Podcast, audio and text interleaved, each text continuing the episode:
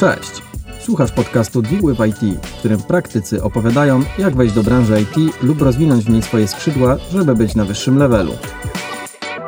Jeśli to brzmi jak coś, co chcesz osiągnąć, chętnie Ci w tym pomożemy. Zapraszamy. Cześć Daniel. Cześć Mateusz. To co, zaczynamy? Tak. Słuchajcie, miło nam Was przywitać w podcaście Deal with IT. Ten odcinek to tak naprawdę prolog, więc jak na prolog przystało, chcemy zacząć od opowiedzenia Wam, o czym ten cały podcast będzie. A będzie, jak już pewnie domyślacie po przesłuchaniu intro, o branży IT. Obaj jesteśmy praktykami, którzy znaleźli się w IT bez wcześniejszego doświadczenia czy gruntownego przygotowania. Wiele w niej widzieliśmy, znamy sporo osób, które się przebranżowiły, część z nich, części z nich pomogliśmy, więc jeśli interesuje Was to, jak wejść do branży, jeśli nie jesteście osobą techniczną, pracujecie w zupełnie innym zawodzie, myślę, że jest to dobre miejsce, w którym znajdziecie odpowiedź na pytanie, jak przekształcić swoją karierę i osiągnąć cele. Ale nie tylko dla tych osób jest nasz podcast. Będziemy dzielić się radami odnośnie przebranżowienia ale także odnośnie tego, jak robić rzeczy, które składa, składają się na codzienność w IT. Więc jeśli chcecie dowiedzieć się, jakie my mamy wnioski po naszych kilku już nawet nastu latach praktyki i wdrożyć je w swoim przypadku, to jest dla Was miejsce. No i jest jeszcze trzecia grupa, osoby, które ani nie są w IT, ani nie chcą być, ale pracują z ludźmi z IT na co dzień i chcą ich lepiej rozumieć. Chcą potrafić rozmawiać z jej reprezentantami, programistami, grafikami. O tym też będziemy mówić. I to nie jest wbrew pozorom taka mała grupa. Ja sam na co dzień mam okazję sporo pracować e, z tego typu osobami, które widzę, że nie do końca komfortowo czują się rozmawiając i pracując z programistami albo innymi technicznymi rolami w IT. Mają problemy z jasnym przedstawieniem swoich oczekiwań. O tym będziemy mówić, jak tego typu problemy rozwiązywać. Okej. Okay. No, powiedzieliśmy o czym będziemy mówić, a teraz krótko się przedstawimy. Dobra, no to może ja zacznę. Moja powiedzmy kariera rozpoczęła się mniej więcej w roku 2014, kiedy zaaplikowałem na staż do agencji marketingowej. Byłem w tej agencji, potem jeszcze innej około w sumie dwóch lat, ale gdzieś po drodze stwierdziłem, że to nie jest dla mnie miejsce, że nie jara mnie wymyślanie haseł i kampanii reklamowych dla produktów, które też za bardzo nie interesują, których nie używam nie miałem za bardzo motywacji, żeby tego zmienić w ramach marketingu, bo poczułem, że, że prawda dla mnie jest gdzie indziej, a przy okazji spotkałem się akurat z moim przyjacielem, który stał się świeżo programistą. Kiedy on mi opowiedział o tym, jak wygląda świat i życie i praca po tej drugiej stronie barykady, czyli branży IT, to stwierdziłem, że albo to jest zbyt piękne, żeby było prawdziwe, albo to jest właśnie miejsce dla mnie, czyli miejsce, gdzie można pracować z raczej młodymi ludźmi, y, ogarniętymi nad projektami, które są nowoczesne, y, zagraniczne wielokrotnie, godziny pracy są elastyczne, można pracować zdalnie, zarobki są raczej lepsze niż gorsze. Poczułem, że, że to jest to i przypomniałem sobie o takim zewie miłości do technologii, który miałem za czasów dzieciaka, kiedy to w podstawówce i w gimnazjum się spędzało całe dnie i noce przy komputerze, poznając jak działa internet, jak działają systemy. I stwierdziłem, że to jest to. To, to jest ten impuls, który mnie, mnie pchnął. E, przebranżowiłem się samodzielnie, zajmie to około roku. Zacząłem od pracy PMA i tak już od pięciu lat specjalizuję się właśnie w kręgach dotyczących zarządzania. Najpierw zespołem, potem produktem, e, procesem, projektem. Tym się zajmuję. A ty Mateusz? E, Mateusz Stuburski, bo chyba nie zdążyłem się przedstawić. Podobnie jak Daniel. Jestem praktykiem z trochę większym doświadczeniem, 15-letnim. U mnie ta przygoda z technologią zaczęła się już w liceum w 2005-2006 roku. Wszystko zaczęło się od radia internetowego, no ale to może historia na e, inny podcast. Już wtedy interesowałem się tworzeniem stron internetowych e, w takim bardzo prostym HTML-u. E, czułem, że to może być coś dla mnie, kręciło mnie to. No i w ostatniej klasie liceum trafił się taki projekt unijny, który pozwolił pozyskać środki na otwarcie działalności. No i tak naprawdę firmę uruchomiłem zaraz po liceum, biorąc udział w tym projekcie jeszcze w ostatniej klasie. No więc y, de facto w branży jestem 15 lat. Wszedłem do niej trochę inaczej niż y, będziemy mówili tutaj o tym w podcaście, no bo jakby wszedłem zupełnie na starcie, ale co będzie spójne, no to wszedłem tak naprawdę bez żadnego doświadczenia i wykształcenia. Doświadczenie było jedynie takim hobbystycznym programowaniem w liceum.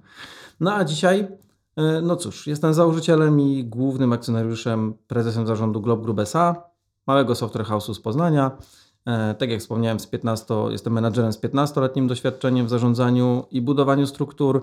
E, znam się na budowaniu procesów od zera do niemal 100-osobowego zespołu w, w branży IT. I historycznie jakby byłem, w niektórych miejscach dalej jestem, współwłaścicielem i twórcą kilku startupów, projektów, e, takich między innymi jak ten podcast. No a razem z Danielem na Kolegium Da Vinci od e, kilku semestrów prowadzimy zajęcia z zakresu zarządzania zespołami i projektami. No i tak naprawdę te zajęcia zainspirowały nas do uruchomienia tego podcastu. Zobaczyliśmy, że wiedza i doświadczenia, które zebraliśmy przez te lata, są dla kogoś przydatne, że stanowią pewnego rodzaju inspirację, jakąś bazę, podstawę i są ciekawe dla tych ludzi. Taki przynajmniej feedback otrzymaliśmy. No i stwierdziliśmy, hej, zajęcia są fajne, bardzo nam się przyjemnie tą wiedzę przekazuje studentom, ale jest to dosyć ograniczone. No, możemy dotrzeć do grupy tych 20-30 osób, z którymi pracujemy w danym semestrze. Czemu tego nie zeskalować nie podzielić się tą wiedzą z szerszą publicznością, czyli z Wami? No i stąd właśnie powstał pomysł na podcast Deal with IT. Dokładnie. A w ramach anegdoty możemy wspomnieć, że z Mateuszem się poznaliśmy właśnie na rozmowie rekrutacyjnej w Globe Group, gdzie ja jako ten junior PM bez żadnego doświadczenia starałem się dostać pracę i udało mi się. Tak było i trochę o tym opowiemy w Następnych następnym odcinkach. Tak jest. No i na sam koniec tego wprowadzenia jeszcze kilka słów o tym, jak ten podcast będzie wyglądał w przyszłości jak będzie skonstruowany. Każdy odcinek chcemy poświęcać jakiemuś konkretnemu zagadnieniu. Czasem będą pojawiać się goście. Jeśli na jakiś temat nie będziemy mogli sami się wypowiedzieć jako eksperci, planujemy wypuszczać odcinki co dwa tygodnie, publikować je na Spotify, Apple Podcasts oraz Google, no i na naszej stronie www.deal-with.it. A na samą stronę y, zapraszamy już teraz. Mm, dodatkowo każdy odcinek będziemy się starali wyposażyć w artykuł, tak żeby wypisać najważniejsze elementy, e, które e, w danym odcinku poruszamy, także nie będzie to typowa transkrypcja, a raczej taka forma skrócona tego, o czym będziemy mówić. Mm, może się zdarzyć, że niejednokrotnie będziemy też rozwijali pewne wątki lub e, dokładali dodatkowe myśli, Także www.deal-with.it sprawdź od razu, bo potem zapomnisz. I na sam koniec chcemy Wam pomagać na bieżąco, dlatego również stworzyliśmy grupę na Facebooku, gdzie zapraszamy wszystkich naszych odbiorców. Chcemy, żeby to było takie, taka grupa wsparcia, gdzie można w spokoju i bezpieczeństwie dodać każde możliwe pytanie, prośbę o radę i liczyć na szczerą i konstruktywną odpowiedź a przynajmniej od nas i my do takich odpowiedzi się na pewno deklarujemy. Więc jeśli zależy Ci na opcji kontaktu bezpośredniego z praktykami, to zapraszamy. Żeby się do tej grupy dostać, to musisz naszą stronę odwiedzić, zapisać się do naszej grupy newsletterowej, podając adres e-mail i w odpowiedzi na swoją skrzynkę otrzymasz link oraz hasło do tej grupy. No to co? Chyba na tyle tego wstępu. Tak jest. I możemy przejść do właściwego odcinka jakie typy nietechnicznych stanowisk w IT możemy spotkać i kto tak naprawdę, skąd wiedzieć, czy ja się nadaję do IT, czy nie? No tak, no bo z Mateuszem poznaliśmy się właśnie na rozmowie rekrutacyjnej, gdzie to ja się rekrutowałem do jego zespołu i do jego firmy, ale to, że tam się znalazłem, było poprzedzone dość dużą ilością mojej już wykonanej pracy, czy to researchu, czy to edukacji. A to z kolei było właśnie poprzedzone jeszcze tym moim takim, ja to nazywam audytem wewnętrznym, gdzie faktycznie odpowiedziałem sobie na pytanie, że tak, ja to mogę robić. W sensie ja, ja czuję, że, że mam do tego predyspozycję. No ale żeby to zrozumieć, no to najpierw trzeba sobie zadać jedno bardzo ważne pytanie, co ja lubię w życiu robić. Tylko tutaj nie chodzi o to, co ja dosłownie lubię na zasadzie, jak lubię spędzać popołudnia, że lubię takie filmy, lubię takie gry, czy lubię taki sport. Nie, nie. Bardziej chodzi o to, w jakich działaniach ja jestem skuteczny i nie są one dla mnie powiedzmy męczarnią, tak? No bo z reguły mam takie przynajmniej wrażenie na swoim przykładzie, że lubimy rzeczy, w których jesteśmy dobrzy, które faktycznie widzimy progres, że nam idą do przodu i, i takie rzeczy stają, jakby przychodzą do nas w miarę łatwo. E, dla niektórych to może być właśnie zarządzanie ludźmi na zasadzie organizowania jakichś wydarzeń, czy jakichś wspólnych wakacji. No dobra, no i powiedzmy, że tak właśnie jest. Lubię organizować wydarzenia. W aktualnej pracy powiedzmy, że jestem odpowiedzialna, odpowiedzialny za organizację wydarzeń firmowych, może i nawet zdarzyło się zorganizować jakiś y, zespół, który coś tam przygotował przed świętami. Czy to już jest jakaś, jakiś kierunek? Jakaś przesłanka. Jakaś przesłanka? To jest punkt startowy. Dalej musisz sobie zadać pytanie, jak, jak już robiłeś, robiłaś tego typu działania, projekty, to jakiego pro, rodzaju problemy w tych procesach udało Ci się rozwiązać? Jakie osiągnięcia udało Ci się wywalczyć? Załóżmy, że faktycznie idziemy tym tropem, lubię organizować wydarzenia, wyjścia, eventy czy jakieś grupy ludzi. No to zawsze przy pra- pracy z ludźmi są jakieś sytuacje problematyczne, czy to konflikty, czy to jakieś braki poro- porozumienia, nieporozumienia, które mogą skutkować jakimiś e, efektami, których nie zamierzyliśmy i tak dalej, i tak dalej. No i ty jako ta osoba, która to powiedzmy spinała, te wydarzenia, wyjścia, projekty, cokolwiek, e, musisz powiedzieć sobie, jakie, no, jakie problemy udało ci się rozwiązać, nie? I jeżeli to były właśnie kwestie organizacyjne, może być to dobra przesłanka do tego, że zarządzaniu w IT też ci dobrze pójdzie, bo tak naprawdę zarządzanie w IT to się sprowadza do po prostu rozwiązywania problemów, to jest jakby jedna warstwa, a druga warstwa do, teraz tak się mówi, facylitacji komunikacji, czyli upewniasz się, żeby ta komunikacja między osobami w zespole, które robią konkretne rzeczy, czy to programują, czy to projektują, nieważne, że ta komunikacja jest, że te, te osoby ze sobą dobrze współdziałają. I to są rzeczy, które możesz robić w takiej samej formie, niezależnie od branży. Jasne, jeżeli masz techniczną wiedzę, jak działa technologia, jak działają strony, aplikacje, systemy, to ci to pomoże, bo ułatwi ci to zrozumienie tych problemów, które prędzej czy później będziesz musiał, musiała rozwiązać. Ale to nie jest konieczne, żeby zacząć. Ja właśnie z takiego punktu wyszedłem. Zrozumiałem, że wszystko, co mi do tej pory w życiu wychodziło, te projekty, projekciki czy wydarzenia, które, w których brałem udział i które udało mi się do jakiegoś końca doprowadzić, pewien sposób ja tam byłem właśnie osobą, która to organizowała czy, czy facylitowała i zrozumiałem, że mogę robić te same rzeczy, tylko po prostu w innej branży, a całej tej warstwy wiedzy się douczę. I to był, Mhm. to był ten wynik tego mojego wewnętrznego audytu, kiedy zrozumiałem, jakie rzeczy mi wychodzą, ale też zrozumiałem, jakie mi nie wychodzą. Bo oczywiście, dlaczego nie stałem się programistą? Dlaczego się nie stałem projektantem? Uważam, żebym mógł, bo nawet robiłem kursy tych poszczególnych rzeczy i te kursy, czyli ten research, który, który wykonałem, taki polowy, odpowiedziały mi, że ja do tego po prostu nie mam talentu. Że tak, mógłbym się nauczyć programować, ale musiałbym na to poświęcić nieproporcjonalnie dużo czasu i energii względem nauczyć się PM-ować, bo tutaj uważam, że miałem dużo większy talent. I ten talent właśnie uważam jest kluczem do tego, co powinieneś, powinnaś robić w przyszłości, żeby to robić w miarę, w miarę szybko i relatywnie dobrze, zamiast iść na powiedzmy pięcioletnie studia i uczyć się informatyki czy czegoś zupełnie innego. Jasne. No z mojego doświadczenia mogę potwierdzić, że dla takich stanowisk jak project manager czy product owner mm, studia mogą być przydatne, ale nie są niezbędne i nie jest to kluczowy aspekt, na który się zwraca uwagę zatrudniając, szczególnie na stanowisko juniorskie, bo jest sporo organizacji, które jednak tych juniorów poszukują, przyjmują. Oczywiście jest ich relatywnie mniej, natomiast jest wiele sposobów, e, w jakie można by się próbować wbić do branży i te sposoby są w sumie niezależne od stanowiska. Omówiliśmy jeden rodzaj stanowisk, czyli project manager, product owner. Kolejnym y, stanowiskiem myślę, że jest, może być designer. I to jest akurat przykład z Twojego życia.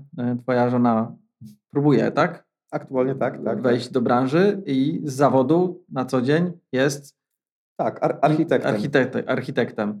Namówiłeś ją, czy to jakaś była inicjatywa, żeby Nie, to, to y, samo sił? wyszło. Po prostu e, moja żona zawsze interesowała się w jakiś sposób e, grafiką. Na studiach, robiąc projekty na architekturę, makiety i tak dalej, trochę się bawiła, e, czy to w Photoshopie, czy w innych programach. Przypadkiem zupełnym, czasem z lewej, czasem z prawej, wpadały jakieś małe zlecenia na zasadzie a zrób mi logotyp, a zrób mi jakiś banner i tak dalej, i tak dalej. I te przykłady takie pokazały jej, że to jest w sumie fajna zabawa, to w sumie całkiem nieźle wychodzi. Dużo łatwiej na przykład jej niż mi rozwijać te umiejętności. E, I tak od słowa do słowa, od projektu do projektu kompletowała swoje portfolio i teraz jest na, na, na etapie faktycznie y, dosłownego już przebranżowienia się, czyli szukania już normalnej pracy etatowej w tym, w tym nowym zawodzie, jaki, jakim jest designer w IT. I to jest świetny przykład. Ja też obserwowałem wiele karier grafików, graficzek, y, którzy od prostych projektów graficznych, projektów stron internetowych, później serwisów internetowych, na przykład skierowali swoją karierę w stronę UX-u i e, UI-a, czyli już bardziej takich e, logiczno-biznesowych podejść do tego, jak zaprojektować grafikę, żeby ona była użyteczna dla tych wszystkich użytkowników, żeby była chętniej klikana w niektórych przypadkach i żeby była po prostu przyjemniejsza w użyciu.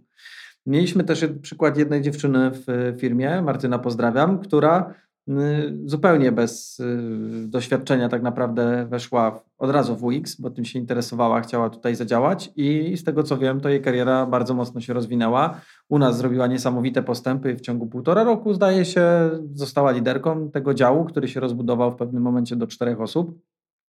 To był świetny przykład. E, I dzisiaj, jakby z tego co wiem, właśnie ta kariera jest kontynuowana.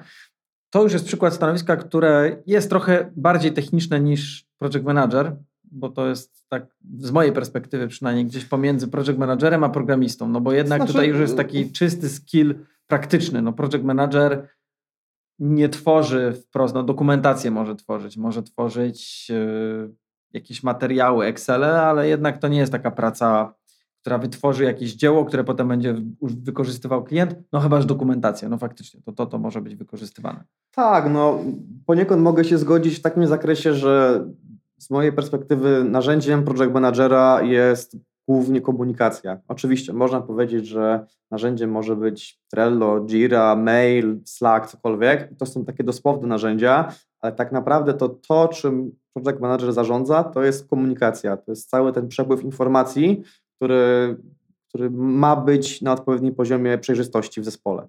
W przypadku designerów, czy to mówimy o UI, czyli o osobie, która projektuje wizualnie, dosłownie, jak te strony wyglądają w narzędziach typu Figma, Adobe i tak dalej, czy mówimy o UX, czyli o osobach e, od user experience, które bardziej zajmują się taką warstwą, powiedzmy, psychologii Czyli tego nie jak strona ma dosłownie wyglądać, ale jak ma być skonstruowana, jak, jak, jak procesy aplikacji i systemów mają być skonstruowane, żeby to, to przechodzenie przez nie było przyjemne, a nie było udręką, to jest takie powiedzmy narzędzie właśnie tego designera. I to też nie jest tak, że trzeba iść na kilkuletnie studia z psychologii czy kognitywistyki, pomimo, że to są bardzo częste takie punkty startowe, bo umówmy się, one potrafią takiego projektanta przyszłego wyposażyć w bardzo duży pakiet startowy narzędzi i wiedzy, który potem bardzo mocno się przydaje, tak samo jak ze studiami informatyki. Bardzo pomocne, niekonieczne.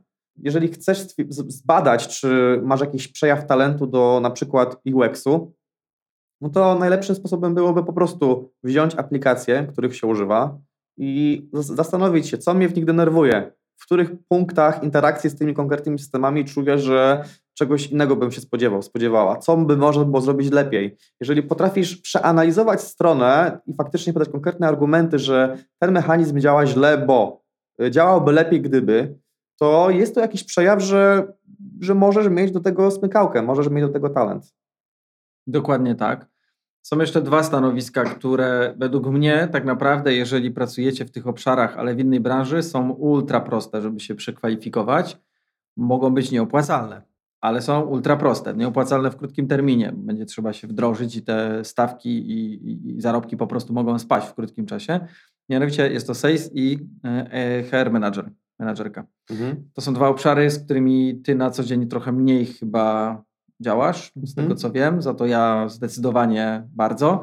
No i mamy przykład z historii choćby Kasi, która u nas wcześniej była project managerką, ale niezbyt dobrze to czuła i po prostu się przekwalifikowała po, po, po jakimś czasie, stwierdziła, że jednak jej e, zależy na relacjach z ludźmi, bardzo, bardzo to lubi i z kolei niestety wyzwania przy projektach z klientami trochę ją stresują. Natomiast e, w typowym HR, HR no, to, to, to nie ma tego typu wyzwań. Są inne, ale tam nie ma kontaktu zbytnio z klientem. No i super się odnalazła i też wiem, że teraz kontynuuje karierę w dziale HR w dużo większej organizacji niż my. Za to y, poza tym znam jakby wiele przykładów y, z branży osób, które działały w HR, ale w innych branżach, które są bardzo trudne i wymagające mm, i przeszły do IT, które też jest wymagające, ale trochę na innym poziomie, trochę w innych aspektach. No i to przejście jest de facto bardzo proste. W HR myślę, że ono jest y, wręcz banalnie proste. Wystarczy tylko trochę poczuć tą branżę IT, trochę się wczytać, trochę posłuchać, pooglądać i tak naprawdę więcej nie trzeba. Bo... Trzeba tych ludzi zrozumieć, bo, bo ludzie, którzy pracują czy to w software house'ach, czy to w firmach produktowych, ale przy technologii, to jest trochę inny profil pracowników niż to, do czego przywykliśmy, myśląc o, no już nie będę mówił o urzędnikach, ale o, o takich powiedzmy bardziej klasycznych, klasycznych branżach, których, które są z zasady trochę mniej nowoczesne. Te, te osoby mają dość dużo wyższe oczekiwania, ale to nie są tylko oczekiwania takie materialne, typu oczekuję większych wypłat. Nie, jakby możliwe, że też, ale oczekiwania co do, co do jakości komunikacji, co do transparentności, co do przepływu wiedzy w organizacji i tak dalej, i tak dalej, faktycznie trzeba się dużo bardziej w tym zakresie, uważam, wysilić i też trzeba być dużo bardziej empatycznym, trzeba y, mocno rozwijać swojego, swoje techniki, jeżeli chodzi o da dawanie feedbacku. To jest cała osobna gałąź wiedzy, jak dobrze dawać feedback, a szczerze mówiąc, nie to nie było w ogóle bardzo mocno podkreślone w firmach, w których pracowałem wcześniej, typu agencjach marketingowych. Ten feedback no, dawało się jak się dawało, jakby nikt na to uwagę nie zwracał. Z moich doświadczeń, e, i tu jest dobra wiadomość dla wszystkich, którzy pracują aktualnie w obszarze marketingowym, nie chcę mówić, że jest to zło, ale w wielu przypadkach jest to zło. I nasze doświadczenia, firmy, które spotykamy, no niestety jest bardzo ciężka praca, jeżeli chodzi o marketing, szczególnie dzisiaj. Ona jest w zasadzie z roku na rok coraz cięższa. I wierzcie mi, że standardy, które są w IT, zaskoczą Was bardzo pozytywnie. Także jakby to już trochę nie dotyczy HR-u, tylko faktycznie ogólnie wszystkich, którzy pracują w branży marketingowej. I wydaje mi się, że jest to jedna z tych branż, z których najłatwiej jest przeskoczyć do IT. Marketingu? Marketingu. Jakby wiele tych elementów, czy jesteś grafikiem w obszarze marketingowym w jakiejś agencji, czy A to na pewno, zarządzasz no bo, projektami, no tak. w zasadzie jakby to już jest pół skilla co najmniej, jeżeli nie całe, bo dzisiaj większość tych agencji marketingowych też dotyka projektowania stron. Większość tych projektów, które agencje robią, też zawierają w sobie zalążek jakiś e, IT, chociaż mały, więc czy to project tak, manager... Bo, bo te branże pozwalają ci w miarę łatwo wyćwiczyć podobny warsztat, który będzie używany, czyli podobne narzędzia używane w podobny sposób, tylko trochę trzeba zmienić mindset i iść w innym kierunku. Ale to jest zwrot nie o 180 stopni, tylko nie wiem, bardziej 30-45, nie? Więc Jeżeli tak. Boli was coś w tej branży marketingowej, czujecie, że jakby nie do końca i niekiedy spotykacie się z Januszerką, zapraszamy do IT. Tutaj, jeżeli będziecie współpracowali z przynajmniej średniej wielkości firmą, myślę, że tak 50 osób plus, to ryzyko Januszerki jest bardzo małe i na 90% standardy będą dużo wyższe niż w obecnym miejscu, w którym jesteście. Czy to jest mała agencja reklamowa, czy duża? No, marketing ma pewne prawa, y, pewne choćby takie jak terminy, deadlines, które tam są zawsze na ASAPie i zawsze są spóźnione. W IT też to się zdarza, ale stara się zazwyczaj ułożyć firmie tak pracę, żeby te deadlines były do dowiezienia i żeby to nie był temat na ASAPie. Znaczy, to też można lubić. To nie jest tak, że my uważamy, że obiektywny marketing jest zły. Z naszej perspektywy jest to dużo mniej komfortowe środowisko pracy. E, dla naszego zdrowia psychicznego, choćby to, to, to, to, to określić, to można lubić tą presję, tą adrenalinę, którą, którą dostarczają te wszystkie projekty, które są prawie zawsze na ostatnią chwilę i tak dalej. A przynajmniej takie my spotkaliśmy. No może, może mieliśmy mega pecha i trafiliśmy w, to, w, te, w tą niszę, gdzie tak faktycznie jest źle, Natomiast faktycznie jest tak, że no, w tej branży IT, w technologii, w pracy z programistami e, jest dużo trudniej utrzymać się, nie będąc dobrze zorganizowanym, poukładanym i tym samym e, nie układając swojego środowiska. Nie? Czyli jeżeli jesteś osobą, która co chwilę o czymś zapomina i wszystko się dzieje na ostatnią chwilę, no to długo się nie utrzymasz, bo po prostu te osoby no nie będą chciały z sobą pracować. IT I, cię nie przyjmie. Tak, tak. I w ten sposób, i w ten sposób my czujemy, że ten poziom się utrzymuje na dobrym poziomie, co potem przekłada się na twój komfort pracy, na twoje zdrowie psychiczne, bo stres tutaj jest dużo mniejszy, no, może być większy, jak robi się ogromne systemy i są ogromne problemy, to jasne, że jest stres. Ale takiej codziennej pracy, no przynajmniej w naszej, naszej dwójki jest to zauważalnie przyjemniejsze środowisko. Dokładnie tak. No i drugą, y, drugą taką branżą, całą gałęzią, no to jest cała gałąź sprzedażowa. Jeżeli cokolwiek robicie w obszarze sprzedażowym w tej chwili, jest możliwe przekwalifikowanie się na IT. Nie będzie to tak proste jak w przypadku HR-u, ponieważ jednak y, no, trzeba zdobyć tą wiedzę. Jeżeli macie sprzedawać i macie mieć kontakt z klientem w ramach IT, to musicie czuć te tematy, musicie mieć o nich jakby świadomość, więc raczej mało prawdopodobne jest to, że od razu z dnia na dzień przejdziecie dokładnie na takie samo stanowisko, czyli jak jesteście doświadczonym sprzedawcą, to wpadniecie do kluczowych klientów w IT, no to się raczej nie zadzieje. Natomiast większe organizacje, z tego co wiem, to często mają różnego rodzaju szkolenia, wdrożenia dla sprzedawców. No a w przypadku mniejszych organizacji, taką, do której zaliczam Glob Group, który obecnie liczy niecałe 60 osób, Mamy przykład y, Damiana, który dołączył do nas y, kilka miesięcy temu, zupełnie bez wiedzy i w sprzedaży, i bez wiedzy IT. No i zaczął od najprostszego stanowiska, na, w którym można zacząć w sprzedaży w IT, czyli od sourcingu. Po prostu szuka dla nas y, klientów. Nie każdy musi to lubić i to nie jest jedyne proste stanowisko w sprzedaży, jest ich trochę więcej, ale jeżeli czujecie, że to, to, to, to mogło być dla Was i nie macie w ogóle doświadczenia, można zacząć właśnie od sourcingu, czyli po prostu szukania firm, szukania lidów dla, czy potencjalnych kontaktów pod potencjalne lidy dla firmy. Natomiast bardzo szybko, jeżeli będziecie się starali, można z tego przejść na tak naprawdę y, przygotowywanie choćby wiadomości do klientów, później z tego można przejść do jakichś pierwszych kontaktów, jeżeli będziecie zdobywali wiedzę. Mm, jakaś, jakieś wsparcie, asysta przy dopięciu deali dla bardziej doświadczonych mm, salesów, czyli sprzedawców, no a później tak naprawdę po pewnie roku, półtora można próbować swoich sił jako samodzielny y, sprzedawca. Dobrą wiadomością jest to, że bardzo często sprzedawcy, jeżeli lubicie oczywiście tego typu rzeczy, to sprzedawcy w IT podróżują. Była chwila przerwy w covid natomiast teraz jednak y, coraz bardziej znowu się ceni kontakt bezpośredni. Więc jest to też okazja do zwiedzenia kawałka świata. Zazwyczaj firmy IT mają budżety na to, żeby takie wyjazdy organizować. Są to też eventy. Y, my niedawno byliśmy na, na jednym z takich eventów w Portugalii, y, na Web Summicie i no, jest to niesamowite doświadczenie, które tak naprawdę później zaprocentuje w przyszłości, niezależnie w jakiej firmie w IT byście pracowali. Więc z mojej perspektywy, jeżeli myśleliście o sprzedaży i sprzedaży w IT, e, to, to, to mając jakiekolwiek doświadczenie sprzedaży lub nie mając w ogóle doświadczenia zawodowego, próbując się wbić na najprostsze stanowisko, nie jest to trudne. Sprzedawców IT akurat poszukuję bardzo wielu. Teraz e, skutecznych. skutecznych, ale też taki skuteczny oznacza to również taki, który się szybko nie poddaje. E, tak. Przykładowo Damian, którego wspomniałem, e, no jakby to jest kilka miesięcy już, kiedy on zajmuje się sourcingiem tak na full etat.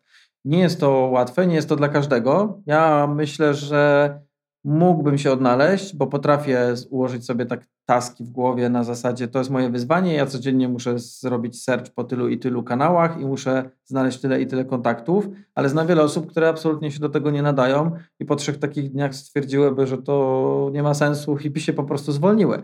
I znowu wracamy do punktu wyjścia, do tego, od czego zaczęliśmy naszą rozmowę, czyli rozpoznanie tego, jeżeli nie wiecie, gdzie jest wasze miejsce w IT, gdzie moglibyście się odnaleźć, bo nie macie doświadczenia w ogóle albo macie doświadczenie, ale nie potraficie go przykleić nigdzie, zastanówcie się, co lubicie, co nie sprawia wam problemu i moglibyście to robić i powtarzać wiele razy. Co wam wychodzi, tak naprawdę, nie? I, i wiedząc, co wam wychodzi, możecie przejść do kroku numer dwa, czyli ten audyt wewnętrzny wykonaliście, no bo przeanalizowaliście rodzaje wyzwań, jakie mieliście przed sobą w ostatnich kilku latach, w pracy, prywatnie, na studiach, gdziekolwiek przeanalizowaliście, co Wam wychodziło dobrze, jakie aspekty tych wyzwań ogarnialiście, co mieliście pod kontrolą, a czego nie.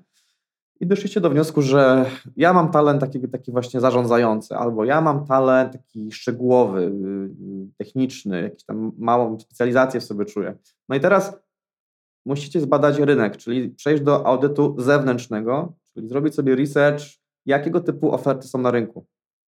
Teraz wstępnie już Wam to podsumowaliśmy, jakie punkty tej branży można na początek powiedzmy zaatakować. Czyli przypomnę, uważamy, że najłatwiej y, będzie wbić się z, ja albo jako project manager, albo jako projektant na zasadzie UI, UX, designer, y, albo jako sprzedawca, czyli ten sales, albo jako HR manager. I chyba nie wspomnieliśmy o testerach, czyli tak zwanych testerach, bo tak naprawdę to się mówi QA od Quality Assurance, czyli specjalista od zapewnienia jakości, ale no, w takiej codziennej nomenklaturze często się te osoby określa testerami.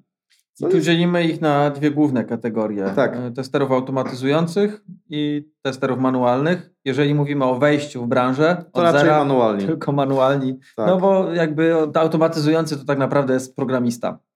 Albo przynajmniej z umiejętnościami programistycznymi. Tak, jest. tak, tak. A tester manualny to też uważamy, zalicza się do tych kategorii relatywnie z niskim progiem wejścia, w których po prostu talent do esencji pracy testera czy QA powinien Wam wystarczyć do choćby tych pierwszych kroków. A ten talent to tak naprawdę z mojej perspektywy jest, e, składa się z dwóch elementów. Pierwszy to jest umiejętność, żeby psuć rzeczy. I wiem, to może brzmieć dziwnie, ale głównym zadaniem testera jest zepsuć coś, co zrobił programista i następnie, druga rzecz, jasno wskazać, co zrobił, żeby to zepsuć i jaki jest tego efekt. Bo to dopiero daje narzędzie programiście, żeby to naprawić. A lepiej, żeby tester wyłapał błąd niż klient końcowy, prawda? Także jeżeli czujecie, że jesteście dość przenikliwi, że wszędzie, w każdym obrazku potraficie znaleźć dziurę w całym, ale potem też potraficie jasno zakomunikować, że e, kroki, jakie wykonałem, żeby tą dziurę odkryć, były takie. Efekt tej dziury jest taki. Jak to powinno wyglądać? W ten sposób. To to może być przesłanka, że proszę bardzo, może macie talent do bycia e, QA-em w IT. No i właśnie. I załóżmy, że, że to wiecie. Jedna z tych ścieżek potencjalnie jest dla Was. No i teraz ten audyt zewnętrzny, czyli po prostu wchodzicie na strony, na których są dziesiątki, setki i tysiące ofert y, z pracy z różnych firm produktowych czy software house'ów. Odpalacie filtr na IT, na technologię, czy jak to tam jest nazwane w, w konkretnej wyszukiwarce i patrzycie y, raz, gdzie są oferty na juniorów, jakie to są oferty, czy właśnie projektanci, czy może analitycy, czy coś zupełnie jeszcze innego i po prostu sobie spisujecie z boku, jakiego typu rzeczy są wymagane w tych ofertach, że na przykład ta konkretna firma od juniora testera wymaga takich i takich rzeczy, takich takich wyzwań. No i próbujecie porównać te wyniki tego researchu z tym krokiem pierwszym, czyli z tym audytem wewnętrznym, gdzie najbardziej czujecie tą integrację, czyli hmm, to, co ja czuję, że robię dobrze, pasuje mniej więcej w opis tej oferty, to to jest jakaś przesłanka, żeby się, żeby się wokół tego zakręcić i spróbować pójść tę stronę.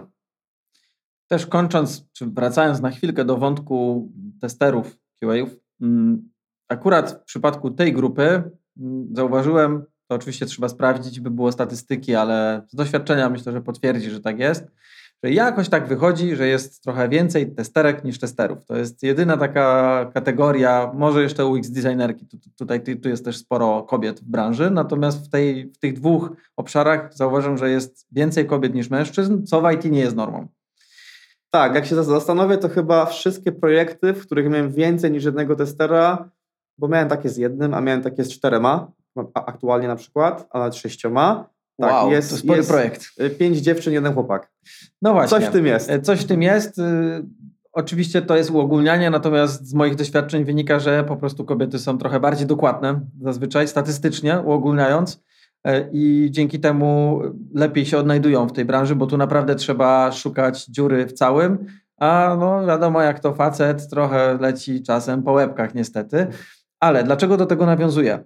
Przez to, być może, bo jakoś tak jest, że zazwyczaj, jeżeli tworzą się jakieś organizacje, to one jakby zrzeszają kobiety w danej branży. Mało jest organizacji, które zrzeszają tylko mężczyzn. I akurat w przypadku QA-ów, QA jest kilka organizacji, z tego co wiem. Nie pamiętam w tej chwili nazwy, ale jak pogooglacie, to na pewno znajdziecie. I na 100% te organizacje pomagają w jakiś sposób zdobyć wiedzę, mają szkolenia. Z tego co wiem, nawet niektóre są darmowe, jakieś wdrożenia w branżę. I wiem, że bardzo wiele dziewczyn, które z nami pracowało, właśnie w, takim czy w innym stopniu e, uczestniczą w tego typu spotkaniach, więc można tam na pewno dostać spore wsparcie.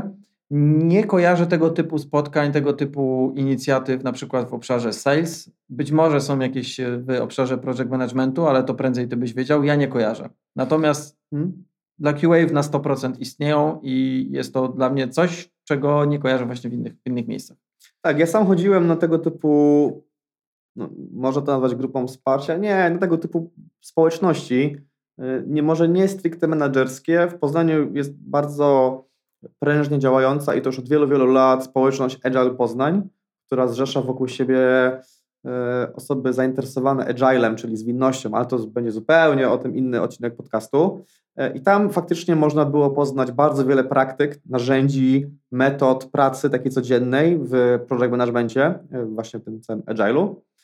Ja tam chodziłem i tam właśnie faktycznie pamiętam moje pierwsze, pierwsze początki. Początki e, doświadczeń z pewnymi pojęciami, z pewnymi technikami, z pewnymi narzędziami. I to mi dało dużo na, na starcie. I też oczywiście możliwość net- networkingu, bo tam przychodzą osoby nie, nie tylko juniorzy, tam równie tyle, co początkujących przychodzi osób z 10 albo i 20-letnim do- doświadczeniem, choćby po to, żeby pogłębić swoją wiedzę, albo nawet, żeby poznać jakiś inny punkt widzenia. Więc jest to idealne miejsce, żeby kogoś poznać, żeby kogoś o, o radę poprosić, o feedback i tak dalej. I również wiem, że faktycznie są takie społeczności, choćby w samym Poznaniu, tu, tu skąd na, na, nadajemy i nagrywamy, jeżeli chodzi o, o branżę, o, o ten obszar branży QA czy, czy, czy programistyczny, więc warto wpisać w Google dosłownie i poszukać na Meetupie. O, Meetup to jest bardzo fajna platforma, gdzie w łatwy sposób można zobaczyć, czy są wokół Ciebie jakieś wydarzenia zorientowane wokół obszaru, w który celujesz, E, I tak naprawdę większość z nich jest darmowa, często się pojawiają i to było dokładnie miejsce, w którym ja znalazłem to Agile Poznań, gdzie swoje pierwsze kroki stawiałem. Czyli www.meetup.com. Tak, dokładnie. I cóż, to chyba byłoby na tyle. Może jeszcze raz krótko podsumujmy. Tak, podsumujmy, czego byśmy chcieli, żebyście się dowiedzieli, co chcemy, żeby z Wami zostało po tym podcaście. Przede wszystkim e, na pewno mitem jest stwierdzenie, że żeby wejść do branży IT trzeba być osobą techniczną. To jest nieprawda. Że trzeba mieć kilkuletnie studia z projektowania, zarządzania czy programowania. To Absolutna nieprawda. Też nieprawda. Czy to pomoże? Zdecydowanie tak. Ale to nie jest konieczne. Jeżeli macie dość samozaparcia, dość wolnego czasu i, i dyscypliny, żeby się pewnych rzeczy poduczyć i nie poddawać za pierwszym, drugim czy trzecim razem, to absolutnie sobie poradzicie bez tych rzeczy. Natomiast to, co musicie wiedzieć, żeby, żeby faktycznie jakieś efekty uzyskać, to co robicie dobrze, co wam wychodzi, jak, jakiego typu wyzwania lubicie albo skutecznie rozwiązujecie. To wam powie prawdopodobnie, w jaki profil y, osoby w IT celować. Czy to będzie osoba, która skupia się wokół zarządzania komunikacją, która sprawia, że wszystko musi być poukładane i dla wszystkich zrozumiałe. Czy to osoba, która lubi układać wizualne klocki, żeby, żeby rzeczy były ładne i, i zrozumiałe. Czy to osoba, która lubi wskazywać, jak rzeczy powinny działać lepiej, bo, bo ma taki dar do dostrzegania tych, tych wad i potrafi wymyślić, jak, jakby można było to inaczej skonstruować. E, czy to osoba, która lubi kontakt z ludźmi i lubi budować relacje i potrafi albo coś sprzedać, albo potrafi kogoś e, zmotywować, wesprzeć, wysłuchać, dać feedback. To są wszystko dobre przesłanki do tych różnych profili, o których dzisiaj opowiedzieliśmy. Dlatego zacznijcie od zrozumienia, co robicie dobrze, co Wam wychodzi, a następnie zróbcie research i poszukajcie, w, jakim, w jakiej roli y, naj, najbardziej odbijają się Wasze talenty. W kolejnych odcinkach wejdziemy bardziej w szczegóły i każdy odcinek będzie traktował o jednym stanowisku w IT, będzie pokazywał tą perspektywę i będzie zawierał, podejrzewam, że sporo tipów, jak dostać się dokładnie na to stanowisko oraz jak zweryfikować, czy faktycznie to stanowisko jest dla nas. Zaczniemy, myślę, od y, project managera, no bo to jest najbliższe nam pojęcie, dlatego że ja dokładnie tą ścieżkę przebyłem. Mateusz też, dopóki nie zatrudniał project managerów, sam pełnił pewne role, a potem właśnie ich zatrudniał, więc też podzieli się perspektywą osoby, y, która prowadzi rozmowę rekrutacyjną z takim na przykład juniorem. Dokładnie. Na pewno w kolejnym odcinku opowiemy o sprzedaży. Te dwa stanowiska omówimy na pewno w kolejnych podcastach, a póki co dziękujemy za poświęcony czas i do Dziękujemy. usłyszenia w kolejnym odcinku. Trzymajcie się. Cześć.